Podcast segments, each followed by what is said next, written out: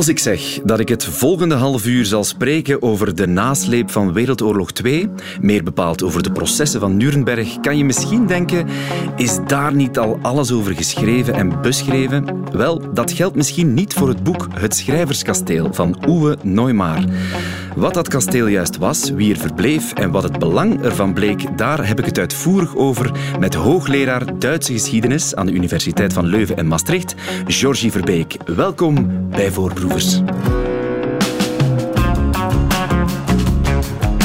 Voorproevers. Meneer Verbeek, welkom bij Voorproevers. Goeiedag. Uh, we gaan het vandaag hebben over het Schrijverskasteel. Een, een bestseller, mogen we wel zeggen, uit uh, Duitsland. Geschreven door Uwe Neumar. U hebt het ook gelezen. Mhm. Uh, het lijkt de titel van een sprookje te zijn van de gebroeders Grimm, maar niks is minder waar. we bevinden ons aan het einde van Wereldoorlog 2 in 1945, wanneer de geallieerden de nazi-Duitsers verslagen hebben. En in Nuremberg staan vanaf november 45 een paar van de nazi-kopstukken terecht voor de vreselijke misdaden die ze gepleegd hebben in naam van het nationaal socialisme. Um, dat heeft plaats in Nuremberg. Is daar een speciale reden voor? Oh ja, daar is een speciale reden voor. Um, het zou misschien meer voor de hand hebben gelegen dat het in Berlijn zou gebeurd ja. zijn, natuurlijk. Dat is de hoofdstad van Duitsland. En ja, goed, daar, is, daar, daar, daar zat natuurlijk de kern van het naziregime. Um, een paar praktische problemen natuurlijk. Berlijn was helemaal uh, lag plat, was helemaal, was helemaal verwoest. Uh, Nuremberg trouwens ook. Ja. Um, maar de Amerikanen namen heel duidelijk het, het voortouw in, in het uh, organiseren, het voorbereiden van dat proces. En in hun eigen bezettingszone, dus in, in Beieren, dat was het gedeelte van Duitsland dat door de Amerikanen was bezet, was er nog, nog één stad waar dat kon plaatsvinden. Ook, ook Nuremberg was natuurlijk heel zwaar, zeer zwaar beschadigd, zeer zwaar getroffen. Maar om symbolische redenen bijna verkozen de geallieerden en de Amerikanen in het bijzonder om dat proces in Nuremberg te laten doorgaan.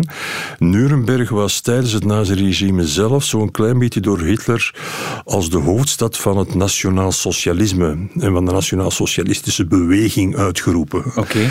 Dat was de plek waar dat in de jaren dertig de fameuze Rijkspartijdagen uh, plaatsvonden. Dat was ook uh, de stad waar in 1935 de beruchte rassenwetten werden aangekondigd. Dus ook in de ogen van de geallieerden was dat, het, ja, was dat een klein beetje het, het symbolische hart van Nazi-Duitsland. Ja. En men vond het dus uh, gepast om daar een aantal kopstukken van het naziregime ter verantwoording te roepen. Ja.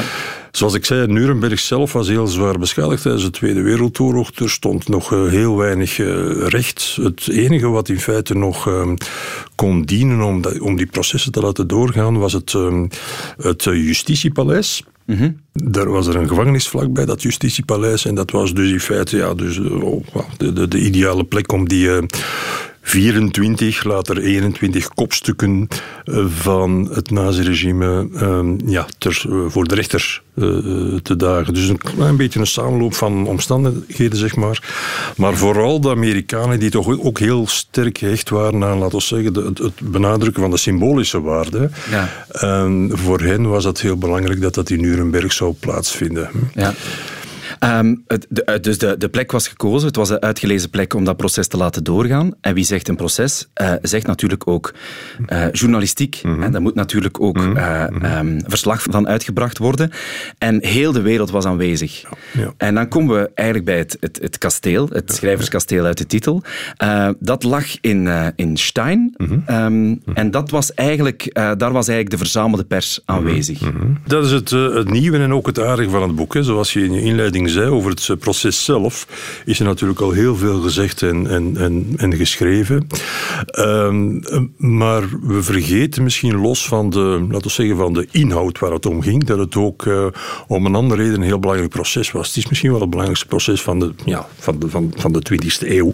Ja. Het heeft ook symbool gestaan voor de latere processen. Precies, maar het was ook een proces dat bijzonder veel, uh, ja, het, het, eerste grootschalig gemediatiseerde uh, proces dat dat natuurlijk heel veel internationale aandacht trok, waar dat honderden journalisten en schrijvers en verslaggevers uit eh, alle hoeken van de wereld samenkwamen om mm getuige te zijn van wat men destijds in feite al een historisch moment vond. Hè. Meestal spreekt men over een historisch moment na de feiten en terugblikkend zegt men dat was een historisch moment. Maar de tijdgenoten zelf voelden dan natuurlijk aan dat dat ja, een, een, een keerpunt is. In Duitsland spreekt men over een stunde nul. Stunde nul, het, het, moment nul. Laten we zeggen het begin van de geschiedenis, of alles moet terugbeginnen. Uh, in de geallieerde wereld was het een soort keerpunt, of werd dat beschouwd als iets van, ja, hier worden de fundamenten gelegd van wat een nieuwe wereld zou kunnen worden. En inderdaad, honderden um, journalisten, reporters, schrijvers en verslaggevers niet alleen uit uh, Europa, maar ook de Verenigde Staten, uh, verslaggevers uit China, uit Paraguay enzovoort enzovoort. Die kwamen daar uh, samen. Al bij al zijn er ongeveer een driehonderdtal journalisten geweest in de periode tussen november 1945 en oktober 1946, wanneer dat het... het eerste proces heeft eigenlijk een jaar geduurd. Ja. Precies. Hm. Dan was natuurlijk de vraag, ja, waar moeten die mensen gehuisvest worden? In Nuremberg zelf was er niet of nauwelijks de gelegenheid en iets buiten Nuremberg, in een kleine, kleine dorpje Stein, vond men een, um, een kasteel Um, uh, dat, was de, dat was in feite in beslag genomen door het Amerikaanse leger. Dat was in oorsprong van, een, van een potloodfabrikant Faber. Met een hele ruime uh, tuin, waar dat nog verschillende huizen en villa's in waren. Dat kon men dan ook gebruiken voor andere gasten. En daar zijn dus uh, die, dat internationale gezelschap van, van internationale journalisten en schrijvers, daar zijn die dan gehuisvest geworden. Ja, en daar zaten, zaten ook een paar grote grote namen bij. Eh, ik noem er maar een paar. Eh, John Dos Passos, Erich Kästner eh, en de, de latere bondskanselier Willy Brandt. die waren allemaal daar op dat moment op een, of ander, op een of ander uh, moment waren ze daar aanwezig, want dus het proces heeft inderdaad elf maanden geduurd. Uh, de meeste journalisten en schrijvers die kwamen af en toe eens een keer langs. Uh, een, een, minderheid van mensen die daar de volledige, laten we zeggen, de volledige periode hebben doorgebracht. En je had daar in feite twee soorten, zeg maar twee soorten journalisten, reporters, de, de, de, de minder bekende. Ja. Maar je had natuurlijk ook diegenen die ofwel op dat dat moment al bekend waren. Dublin, uh, Kestner, uh, Erika Mann, dat waren op dat moment al beroemdheden. Uh, Dos Passos, de Amerikaanse schrijver Dos Passos. Rebecca West, op dat moment al een heel bekende, befaamde, beruchte, een beetje de grand dame van de, van de Britse journalistiek. En dan had je een aantal figuren die op dat moment vrij onbekend waren. Herbert Fraam. Herbert Fraam zal waarschijnlijk nooit iemand van gehoord hebben. Dat was een jonge Duitser die na Nazi-Duitsland is uh, ontvlucht, naar Noorwegen is getrokken. Uh, daar heeft verder het verzet tegen Nazi-Duitsland heeft verder gezet, die na de oorlog terugkomt en die dan tijdens de oorlog feite een soort non de guerre had aangenomen, Willy Brandt. Ja. Willy Brandt is dan natuurlijk dan carrière maken in de Sociaal-Democratische Partij in Duitsland, wordt eerst burgemeester van Berlijn, van West-Berlijn, rond de periode dat de Berlijnse muur wordt gebouwd, eind jaren 50, begin jaren 60. En in 1969 wordt dat de eerste socialistische bondskanselier. En het aardige detail is dat, hij daar, dat zijn, zijn, zijn paden daar kruisen eh, met een andere naar het buitenland gevluchte Duitser, Marcus Wolf. Marcus Wolf was met zijn familie naar Moskou gevlucht, werd daar in feite opgeleid tot een, tot een, ja, tot een, tot een gestaalde communist. Komt terug in 1945 uh, in opdracht van een um, Oost-Duitse krant uh, krijgt hij de opdracht dus om verslag te maken van de processen in Nuremberg. En diezelfde Marcus Wolf zal het later in Oost-Duitsland, dus de DDR, schoppen tot de chef van de buitenlandse spionagedienst van de Stasi. Mm -hmm. En wat brengt die twee figuren op dat moment uiteindelijk met elkaar in verbinding. Vanaf het moment dat uh, Brandt, ja, Brandt wordt dus bondskanselier in 1969, maar moet vijf jaar later, 1974, aftreden omwille van een spionageschandaal. Uh, mm -hmm. Wat was er gebeurd? De Oost-Duitsers waren erin geslaagd om een spion te plaatsen in de bondskanselij, dus heel dicht bij de bondskanselier. Dat was uh, Gunther Guillaume. 1974 wordt hij ontmaskerd, wordt hij gearresteerd. Maar dat was voor brand. Um, een reden om uh, af te treden. Maar dat was een mannetje, uh, een mannetje die door, die door die Marcus Wolf uh, dus naar West-Duitsland was gestuurd. Dus onrechtstreeks kwamen die, figuur, die twee figuren in feite nog met, met elkaar in contact. En zo in feite heel dat boek bijna opgebouwd rond portretten, waarbij ofwel één journalist of één schrijver centraal staat uh, al dan niet gekoppeld aan een andere figuur. Ja. Bijvoorbeeld een, een, journalist wordt gekoppeld aan een van de verdachten. Bijvoorbeeld, ja. Zo krijg je een tien, twaalftal feiten. Dat zijn eigenlijk de verschillende hoofdstukken in het boek. zijn opgehangen aan de verschillende war correspondents. Ook al was de oorlog voorbij, ze werden nog altijd als war correspondents eh, benoemd. Dat kasteel blijkt ook een beetje een microcosmos te zijn. Hè. Eh, en eigenlijk is dat een uitstekend kader uh, voor, uh, voor Neumar, de, de schrijver, om geschiedenis, literatuur en persoonlijke verhalen uit die tijd met elkaar in verband te brengen. want als je, als je zegt, ah, er, er, heel de wereld gaat daar samen hokken in een, in, een, in een kasteel. Als je dan nu tegen iemand zegt, ja, dat is natuurlijk dat is het begin van, van alle conflict. Bijna. Ja, um, ja, ja, ja, Was dat toen ook al aan de hand? De meningen over het verblijf in dat kasteel eh, die, die liepen nogal uit elkaar. Laten we zeggen, de gewone journalist, de gewone reporter, die was in feite al vrij snel tevreden met een minimum aan comfort. Mhm. Natuurlijk de sterjournalisten en de, de, de, wereldberoemde auteurs, die waren meestal wel wat beter gewoon en keken wat neer op het in hun ogen nogal schamele comfort. Dat we hebben het over een kasteel, uh, maar daar woonden, daar verbleven 200, 300 uh, mensen. Het comfort was niet altijd je dat. Men kloog bijzonder veel over de over de verwarming die niet werkt, over de kwaliteit van het eten, over, over de overnachtingsmogelijkheden. We moeten een klein beetje voorstellen aan een soort jeugdherberg. En in, ja, heel vaak moest men een, een, kamer delen met 10, 12 mensen. En men sliep men op veldbedden enzovoort. En dan kun je een klein beetje voorstellen dat figuren als, uh, ik zeg maar wat, Kerstne of uh, Erika Man, dat die daar uh, ofwel op neerkeken ofwel alles in het werk stelden om, om, daar, om daar weg te geraken. Hè. En dat was natuurlijk een, een, ja, een, een, een, een kluwen van ego's, van arrogantie, uh, van uh, nepnieuws, vaak ook fake nieuws. Er zijn in feite een aantal heel mooie uh, voorbeelden beschreven in dit boek van hoe dat de fantasie... de waarheid ook een beetje ja, een, een, loopje is genomen. precies, er zijn een aantal... Dublin, Alfred Dublin, bekende, op dat moment al een wereldberoemde de schrijver, schrijver. van Berlin, Alexanderplatz. Precies, van voor de Tweede Wereldoorlog, maar natuurlijk, ja, die was ook, had ook Duitsland ontvlucht en kwam via Frankrijk terug in Duitsland uh, terecht. Een wereldberoemde schrijver. Uh, die had een, een soort boekje, een soort brochure gemaakt, waarin hij in feite heel levendig uh, besprak hoe dat de processen Um, hoe dat de processen verliepen en ja, hoe dat de verdachten eruit zagen enzovoort enzovoort. En uiteindelijk is gebleken dat dat allemaal een klein beetje uit zijn, uit zijn, uit zijn fantasie is ontsproten. Hè? Ja. En is hij er wel ooit geweest? Ja, dat is, dat is, dat is dus de vraag. Hè. Hij beweerde zelf dat hij op het, op het proces aanwezig was. Hij beweerde ook dat hij uh, overnacht heeft. Alleen valt dat te betwijfelen. Ja.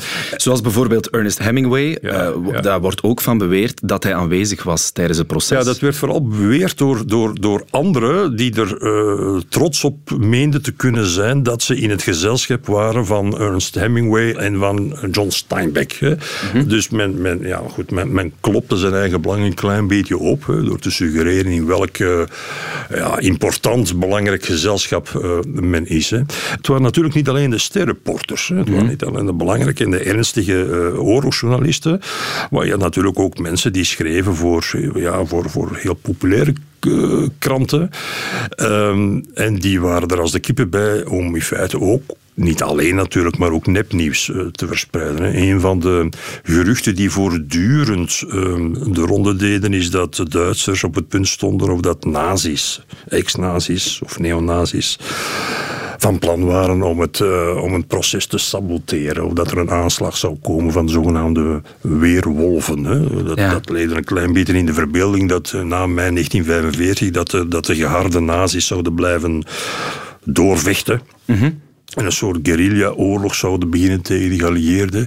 En regelmatig uh, wordt daar dus uh, ja, nepnieuws voor waar uh, geserveerd. Hè. Ja. Over, wordt bijvoorbeeld, er werd bijvoorbeeld op een bepaald moment gezegd dat een dat, Russische openbare aanklager Geuring, een van de, ja, van de hoofdverdachten, zou hebben neergeschoten tijdens het proces. Ja, dat soort zaken. Hè. hele veel journalisten uit de wereld komen en gaan. Er zijn er die blijven. Er zijn er ook die heel snel vertrokken zijn. Um, we hebben al gepraat over Willy Brandt, mhm. over um, welk belang het proces voor zijn carrière uh, had. Maar er zijn ook schrijvers uh, geweest uh, tijdens het proces, of journalisten geweest, die, ja, die een, een, een, negatievere invloed ondervonden hebben van het, van het, van het proces. Ik denk bijvoorbeeld aan Elsa Triolet. Elsa ja. Triolet was op dat moment ook al een vrij bekende journaliste, niet in het minst omdat zij gelieerd was, of beter gezegd de partner was van uh, de Franse schrijver uh, Louis Aragon. Dat, mm -hmm. dat was een ja, een beetje een sterk koppel in het, ja, in het linkse literaire politieke wereldje in, in, in, in Parijs. Ook zij nam regelmatig een, met de waarheid een, een, een, een, een loopje. Hè. Ze had een zeer duidelijk oh ja, orthodox, marxistisch, heel radicaal, communistisch uh, ja, wereldbeeld, uh, zou, zou je kunnen zeggen. En zij schreef op een zeer uh, geëngageerde manier over dat verslag. Sommige aspecten van wat dat zij zei, was ook niet helemaal waarheidsgetrouw. Uh, ze ging ook wel eens een keer, of uh, ze liet haar fantasie ook wel eens een keer de vrije loop. En dat is haar achteraf natuurlijk wel, wel, wel, wel, wel kwalijk, uh, kwalijk genomen. Hè. Je zou misschien ook kunnen denken aan, um, aan ja. Rebecca West bijvoorbeeld. Klopt, ja. Zij had, een, zij had een, zelfs een, een, een ja, relatie dat, met ja. een, een, rechter. Hier, hier wordt het natuurlijk wel erg pikant. Rebecca West was een, um, een, een, een vrijgevochten, feministische vrouw die in de jaren 20, 30 uh, zich hard maakte voor onder meer het, uh, het, het, vrouwenstemrecht in, in, in Groot-Brittannië.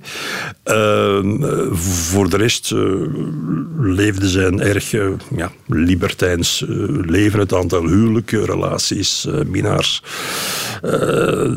dat valt nauwelijks bij te houden. En wanneer zij Nuremberg aankomt, begint zij inderdaad een, een romance, een affaire met de Amerikaanse hoofdrechter. Uh, die man is getrouwd, uh, dat proces is afgelopen. Die man gaat vervolgens terug naar het proces naar de Verenigde Staten en dus ook naar zijn vrouw. En dat is natuurlijk het einde van de, van de, van de relatie. En zij beseft dan natuurlijk ook dat zij door die Amerikaanse rechter natuurlijk ook een klein beetje als een speeltje is behandeld mm -hmm. geworden.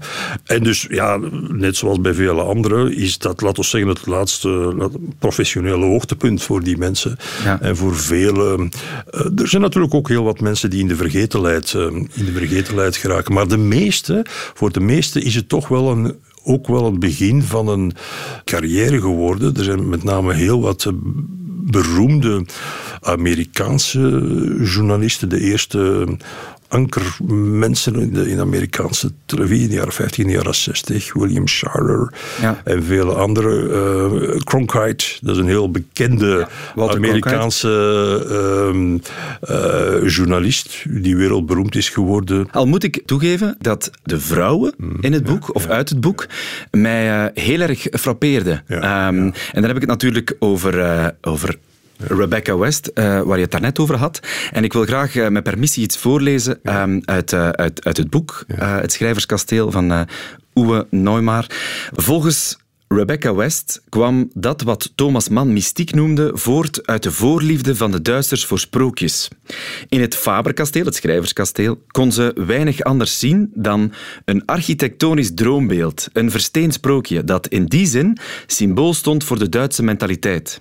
Over de representatieve bouwwerken van de nazi's schrijft ze: Ze vormden de opmerkelijke uitkomst van een overdreven fixatie op sprookjes. Dat was de droom achter al die villa's. Die droom is ook duidelijk zichtbaar in dit Faberkasteel. Ik ga verder. Haar beeld van de Duitsers was niet alleen clichématig, het getuigde, net als bij veel andere correspondenten in het presscamp, van afkeer. In principe werd men geacht geen medelijden te hebben met de overwonnen Duitsers en afstand te bewaren. West ging veel verder, waarmee ze inspeelde op de in de Angelsaksische media vaak geuite vrees dat de Duitsers wel eens opnieuw naar de wapens zouden kunnen grijpen. Wat een heel nieuw was voor mij, was de anti-Duitse gevoelens. Natuurlijk naar, de, naar, naar nationaal socialisme, maar dat werd over heel Duitsland uitgespreid. Vandaar het de, de, te weinige aandeel van de Duitsers in het proces. Dat anti-Duitse sentiment, dat was um, heel hevig. Hè? In de, natuurlijk werd dat niet door iedereen gedeeld. Er is trouwens een andere citaat uh, gekoppeld aan, aan Rebecca West. En dat vond ik in feite, vond ik in feite ook wel frappant. Ze, ze geraakt op een bepaald moment. Dus die haat, die afkeer, dat was niet alleen gericht op het, op het regime, op de mm nazi's als zodanig, maar in feite op iedere Duitser. Op een bepaald moment komt zij in contact met een, uh, met een tuinman. Een tuinman op dat kasteel. Mm Ze observeert die tuinman, een Duitser. En ze zegt, ja, dat is in feite een typische Duitser. Een prototype van een Duitser. En die werkt heel hard. En je kunt zeggen, dat is in feite heel goed van hard werken. Maar als je heel hard werkt, dan verlies je het contact met je medemens. En dan word je, dan word je egocentrisch. Dan verlies je een bazaal gevoel aan empathie. En dat is typisch voor de Duitsers. Dat is natuurlijk psychologie van de koude grond. En natuurlijk ook de, de, de grote Thomas Mann, een groot auteur ongetwijfeld, die was natuurlijk ook niet vies van, van, van een heel plat, vulgair, anti-Duits sentiment. Goed, hij was natuurlijk zelf Duits, maar hij had uh, Duitsland ontvlucht. Die zegt dan bijvoorbeeld zaken zoals uh, in de Duitse ziel zit er per definitie iets demonisch. Het kan scheppen, het kan maken, maar het kan ook vernietigen. En zo, zo het in feite van heel fervent anti-Duits sentiment. Men, men noemde dat in die tijd van Zittertism. Van Zittertism, dat, verwijst, dat verwijst naar een Engelse um, diplomaat, adviseur van de Britse regering, van Zittert.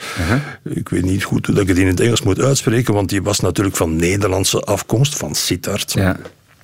En dat was zo'n klein beetje de man of de ideoloog die de gedachte propageerde in Groot-Brittannië vlak voor en tijdens de Tweede Wereldoorlog dat uh, de de, ja, de, de agressie en de hang naar gezagsgetrouwheid, dat zat volgens hem in de genen van de Duitsers zelf. Ja. En dat kon alleen maar worden aangepakt door die Duitsers grootschalig te gaan heropvoeden. Ja. Uh, dus niet alleen de nazi-elite, maar iedere Duitser was in feite bij wijze van spreken bijna biologisch besmet met een gen dat hen voorbestende om, die gruwelijke, om dat gruwelijke regime van de nazi's mogelijk te hebben gemaakt. Ja. Hè. Met de kennis van nu ja, klinkt dat allemaal, ja, dat klinkt bijna als anti-Duits racisme.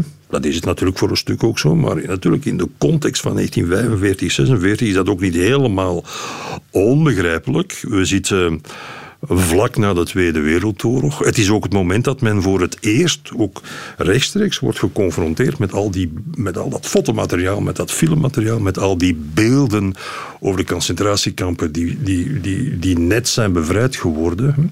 Nu hebben wij daar wat meer afstand van genomen.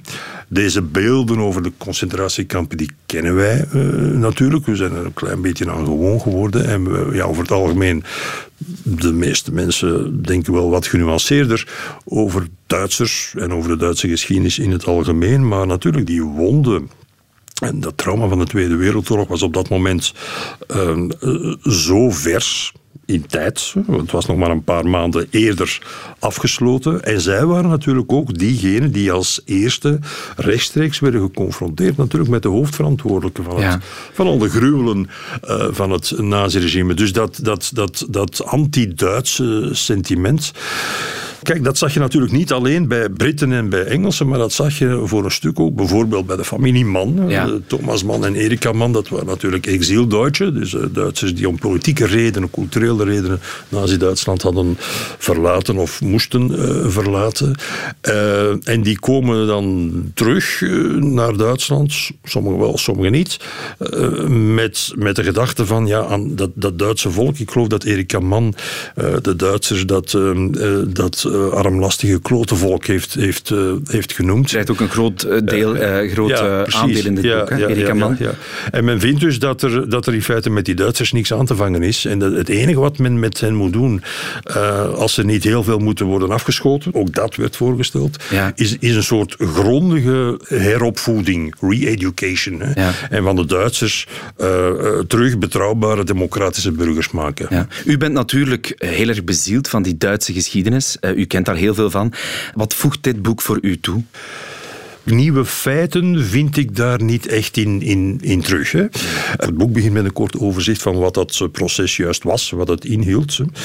Ehm, de, de, de levensomstandigheden van die journalisten en die verslaggevers in, het, ehm, in dat eh, kasteel. En dan wordt het gevolgd door een, een twaalftal portretten, waar dat eh, ingezoomd wordt op, op één journalist of een bekende auteur.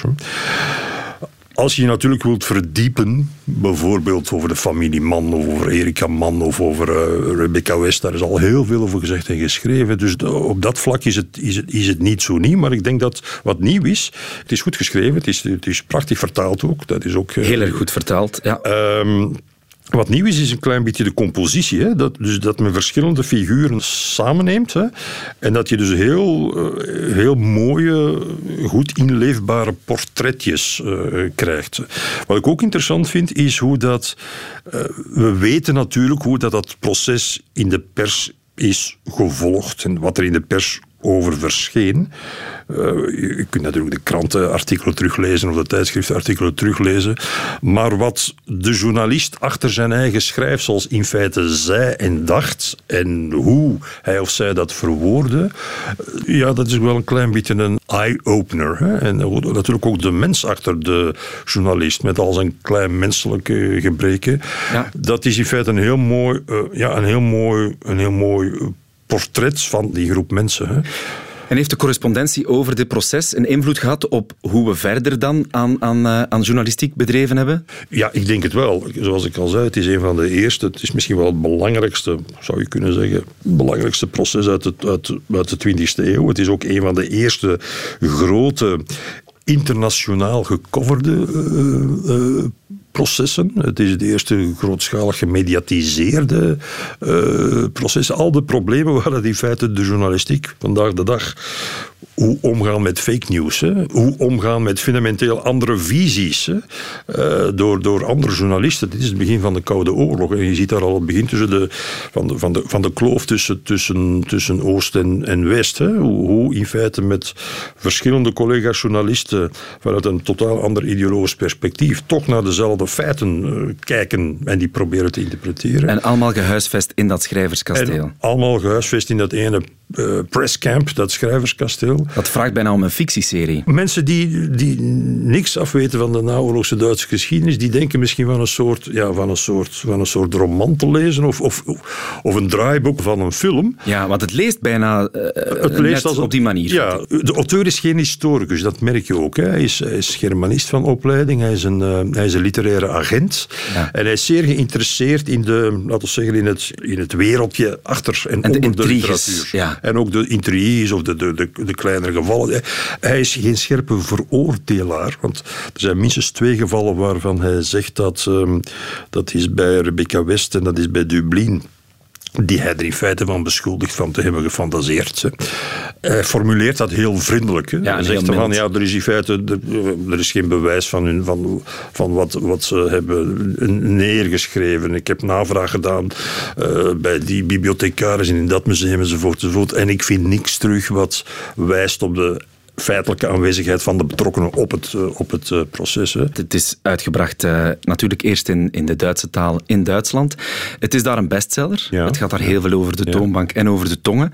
Wat, wat zijn de reacties op dit boek vanuit Duitsland? Die zijn, die zijn, die zijn zeer lovend en zeer positief. Ik, ik, was een klein beetje verbaasd, want dat is in feite allemaal al heel goed onderzocht en gedocumenteerd geworden. En toch vindt men dat in Duitsland een klein beetje een eye-opener. Omdat je, omdat je echt een keer vanuit een ander perspectief naar een onderwerp kijkt dat over het algemeen wel heel goed uh, bekend is. Hè. Van, ja, hoe dachten in feite al die Franse, Britse, Russische, Amerikaanse denkers en schrijvers en intellectuelen over ons Duitsers na 1945. Hè. Trouwens ook iets interessant vind ik dat de meeste journalisten vooral diegenen die erg, ja, erg eh, negatief stonden tegenover de Duitsers, de gewone Duitsers vooral verweten van niet alleen te hebben weggekeken van de gruwelen van het naziregime, maar zich na 1945 begonnen te wentelen in ja, zelfbekend klag en, en, en, en, en, en, zelf uh, uh, medelijden. Uiteindelijk bijna obsessief gefixeerd waren op hun eigen lot. Wat tussen haakjes natuurlijk ook niet bepaald. Uh, dat was geen fijn lot, hè, dat de Duitsers in 45, 46 beschoren was. Hè. De, de steden waren kapot. honderdduizenden mannen die gesneuveld waren. Miljoenen mannen die nog in krijgsgevangenkamp, krijgsgevangenschap waren. Miljoenen Duitsers op de vlucht van het oosten naar het westen. Dus het was natuurlijk een grote chaos en ellende. En in die context is de gewone Duitser, voor zover hij al bestaat natuurlijk, maar de man in de straat is die natuurlijk niet bezig met zich te gaan informeren wat er de twaalf jaar daarvoor allemaal is gebeurd. Maar goed, dat is iets wat dat die buitenlandse waarnemers wel opvalt. Hè. Uh, van, ja, die Duitsers zijn in feite alleen maar met zichzelf bezig. Ze, ze, ze wentelen zich in zelfbeklag en zelfmedelijden. Ja. Ze moeten met andere woorden dringend worden heropgevoed. Zou je dit boek aanraden? Zeker. Voor mij was het een, een, eh, een fijne, goed geschreven opstap naar het thema. Ik zou het inderdaad aanraden. Hè. Ehm, als een eerste opstap of een tweede opstap. Je kunt daar verschillende dingen uit leren. Je kunt iets leren over het proces zelf. En waarom is dat proces opgezet? Uh, waarom hebben de geallieerden beslist om een internationaal uh, tribunaal op te zetten? Waarom hebben de geallieerden beslist om de Duitsers zelf niet door Duitsers te laten uh, veroordelen. Brandt was daar een grote voorstander van. Willy Brandt had gezegd van, zou het niet beter zijn wanneer dat Duitsers nazi-kopstukken voor Duitse rechters zouden verschijnen en op basis van Duits recht zouden veroordeeld worden. Ja. Uh, dat werd uh, niet op applaus onthaald. Dat, of die idee die leefden in feite wel, maar de Galliëren vonden dat in feite geen uitstekend idee, omdat ze slechte ervaring hadden met wat er was gebeurd na de eerste Eerste Wereldoorlog. Na de Eerste Wereldoorlog circuleerden er plannen om Duitse oorlogsmisdadigers voor Duitse rechters te laten uh, verschijnen. Uh, dat is op een vars uh, uitgemond. En in 1945 wilde men in feite die niet in diezelfde fout vervallen. Heeft men gezegd, ja, dat kan alleen maar door geallieerde rechters. Het nadeel is natuurlijk wel dat er bij heel wat Duitsers het gevoel ontstond van, ja, dit is hier een voorbeeld van ziegeljustitie. Dat wil zeggen, de rechtspraak van de overwinnaars. Of het, ja, het recht van de overwinnaars. Dat soort discussies, dat wordt in feite hier heel goed en heel toegankelijk in, uh, in uh, beschreven. Dus laten we zeggen, de hele logica, de filosofie achter de receptie, de reacties op dat proces. En dan natuurlijk ook de belangrijke discussies die er toen al ja, die er toen al speelden, bij Duitsers, maar ook bij burgers van geallieerde landen, bestaat er zoiets als collectieve schuld. Ja bestaat er zoiets als, zijn, ja, is, is het Duitse volk in feite mede verantwoordelijk voor de verschrikking van het naziregime? of moeten we eerder gaan kijken naar, perso naar persoonlijke schuld? En dat is een debat dat in feite tot op de dag van vandaag niet is. Daar stonden ze ook vaak lijnrecht tegenover elkaar. Je ziet dat vooral dus die, die exil-Duitsers, diegenen die naar het buitenland waren gevlucht, die namen vaak zo'n een, een, ja, laten we zeggen, een, streng standpunt in, een harde houding uh, van ja, iedereen die, die in Duitsland is gebleven, ja, die, die is minstens medeverantwoordelijk.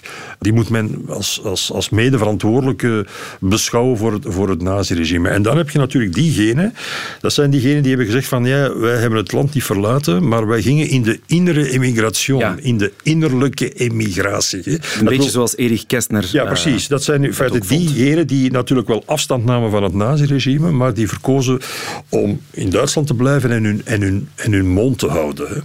Ja, dat soort mensen die waren natuurlijk niet gediend door de suggestie dat alle Duitsers natuurlijk evenveel boter op hun hoofd hebben. En die mhm. waren natuurlijk de pleitbezorgers van een wat meer genuanceerde, van een wat meer genuanceerde uh, visie. En dus de, die hele discussie over ja, wat is in feite de verantwoordelijkheid van de hele samenleving, dat is iets wat tot op de dag van vandaag nog altijd een punt van, van, van, van, van publiek uh, debat is in Duitsland en daarbuiten. En het komt ook laagdrempelig aan bod in dit uh, lezenswaardige literaire werk, Het Schrijverskasteel van Uwe Neumar. Laat ons uh, ervan uitgaan dat iedereen dit boek gaat lezen. Als er verdere verdieping nodig is, dan kan u gewoon les komen volgen bij meneer Verbeek. Dank u wel voor uw tijd. Heel graag gedaan. Dank u wel om het voor ons te lezen. En u bent bedankt om, om te luisteren. Wil u nog afleveringen van eh, voorproevers beluisteren, dat kan gewoon naar VRT Max gaan en daar vindt u alle afleveringen die u nodig hebt. Nu bent u heel erg bedankt om te luisteren.